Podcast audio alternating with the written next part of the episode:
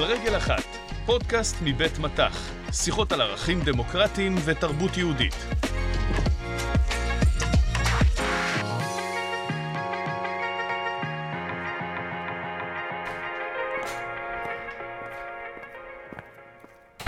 וכמו שהובטח, פיצה של מנצחים. איזו תחרות. אין, אמרתי לך שאף אחד לא מצייר קומיקס כמונו. בדוק. יאללה, תחתוך, תחתוך. כן. איי, וואה. מה, מה, מה? אתה עושה צחוק? יש בעיה? חוץ מזה שאתה מקבל חמישה משולשים ואני שלושה? טוב, הרעיון לתחרות הזאת היה שלי, לא? אבל ניצחנו ביחד. כן, אבל לא היינו בכלל מתחרים בלעדיי. טוב, עזוב, חלאס להיות חתנוני. אני חמישה, אתה שלושה. בוא פשוט נאכל.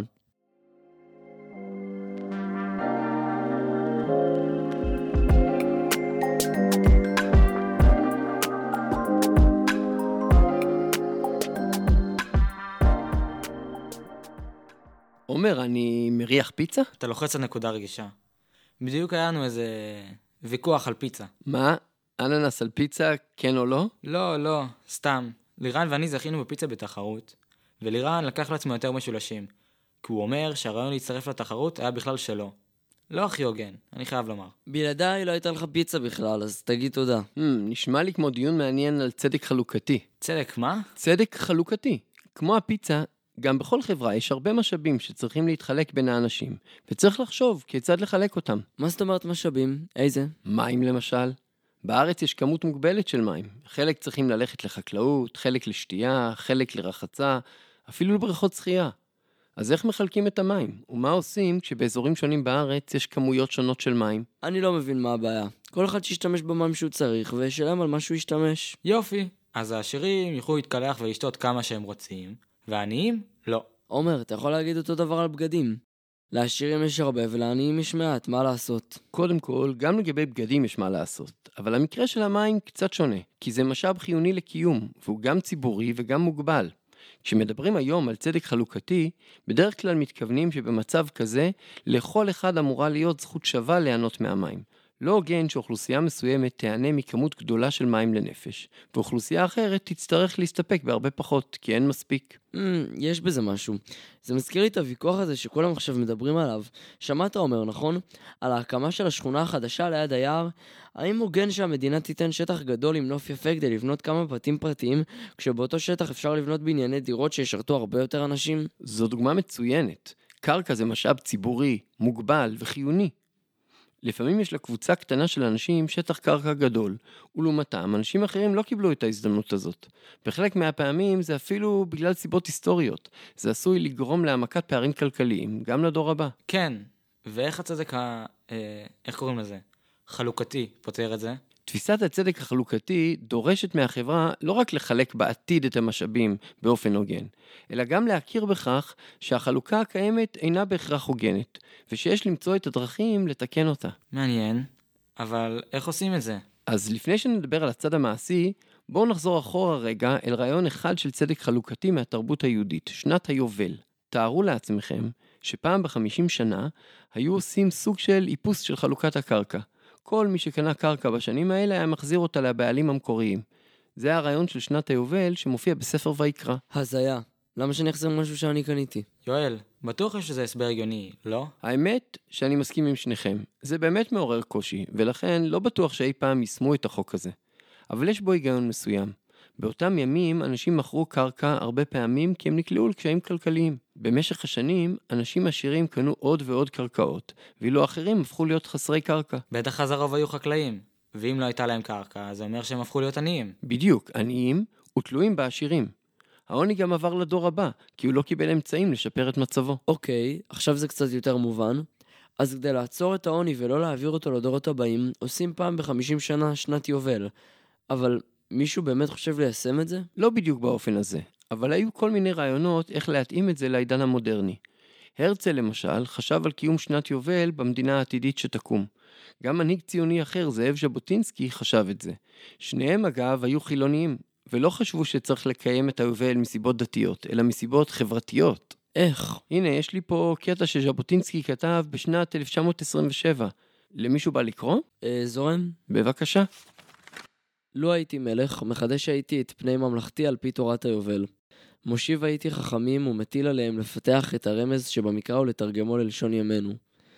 עורך הייתי צו אל ועדה זו, ובו כתוב לאמור, הואילו נא לסגלו אל תנאי החיים הכלכליים בימינו. אז הוא בעצם אומר שצריך לקחת את הרעיון מהמקרא ולהתאים אותו להיום? כן, זה, מה שאני הבנתי. הוא מסביר למה הוא היה רוצה את שנת היובל אם הוא היה מלך? כן, לדעת ז'בוטינסקי, החברה, כלומר המדינה, מחויבת לדאוג לרווחת חבריה. הוא מדגיש שהיובל הוא אחד האמצעים שהמדינה יכולה לנקוט כדי למנוע עוני וניצול קיצוניים. ז'בוטינסקי מכיר בכך שחברה שמאפשרת תחרות יתהוו בה פערים וניצול, ולכן יש לחברה אחריות לוודא שלא נוצר עוני, שקשה להיחלץ ממנו. הוא מדמה את היובל לשריקה של שופט, ואומר, המנצחים והמנוצחים חוזרים אל המקום ששם התחילו במאבקם, וניצבים בשורה אחת, כתף אל כתף. האמת, מעניין. לפחות כרעיון. אני מסכים, לעתים יש רעיונות בתרבות שגם אם לא מקבלים אותם כמו שהם, אפשר לקבל מהם השראה ולמצוא דרכים אחרות ליישם אותם. סבבה, אז איך מיישמים את זה היום? אביא שתי דוגמאות לצדק חלוקתי במדינת ישראל. הראשונה היא יומיומית. ההורים שלכם משלמים מיסים? ברור. כאילו, אה, נראה לי, כמו כולם. מה כמו כולם? כל אחד משלם סכום אחר, לא? נהדר. בישראל, כמו במדינות רבות, המיסים בנויים כך שאנשים עם הכנסה גבוהה יותר ישלמו יותר מס ממי שההכנסה שלו נמוכה. זה מאפשר לא רק לתת שירותים נרחבים לכל האוכלוסייה, אלא גם משמש להקטנת אי השוויון ולצמצום פערים בין עניים לעשירים. המדינה בעצם מכירה בכך שצבירת העושר באמצעות עבודה אינה תמיד מוצדקת, ומחלקת מחדש את העושר הזה. וואו, אף פעם לא חשבתי על מיסים. ומה הדוגמה השנייה? הדוגמה השנייה שלי קשורה דווקא לאדמה. לפני שנים, יישובים חקלאיים קיבלו קרקעות מהמדינה. האדמות האלה שימשו לחקלאות במשך עשרות שנים, אבל בשלב מסוים חלק מהיישובים רצו להשתמש בקרקע כדי להרחיב את שטח המגורים, וגבו סכומי כסף גבוהים מאנשים שבאו להקים שם בתים. מה דעתכם? האם זה מצב סביר? אני יכול לראות את הבעייתיות בזה, הם קיבלו את הקרקע לחקלאות, לא בשביל להרוויח ממנה. מה זה משנה? הם קיבלו את הקרקע ועכשיו שיעשו בו מה שהם רוצים. אה, בעצם... הנושא הגיע אל בית המשפט העליון, שפסק שלא מקובל שהיישובים האלה יוכלו ליהנות ממשאב ציבורי ללא תשלום מספק למדינה. בעקבות זאת, המדינה קבעה כללים המבוססים על עקרון הצדק החלוקתי. למשל, קבעו מה יכולים היישובים לגבות וכמה צריך לשלם המדינה על הקרקע. נשמע לי הוגן. אבל למה זה צדק חלוקתי? מי מרוויח מזה? שאלה מצוינת. קודם כל, קופת המדינה מרוויחה מזה, והמדינה יכולה להשתמש בכסף הזה למטרות ציבוריות. שנית, ההסדר הזה מאזן בין אוכלוסיות שהמדינה העמידה לרשותם קרקעות ציבוריות לפני שנים, ובין אוכלוסיות אחרות שלא זכו לכך. הפסיקה הזאת מסייעת גם ליצור נורמה חדשה, כך שבעתיד לא יוקצו קרקעות באופן לא שוויוני. כי אם המדינה תעשה את זה, זה ייפסל על ידי בית המשפט. מעניין, כל הצדק החלוקתי הזה.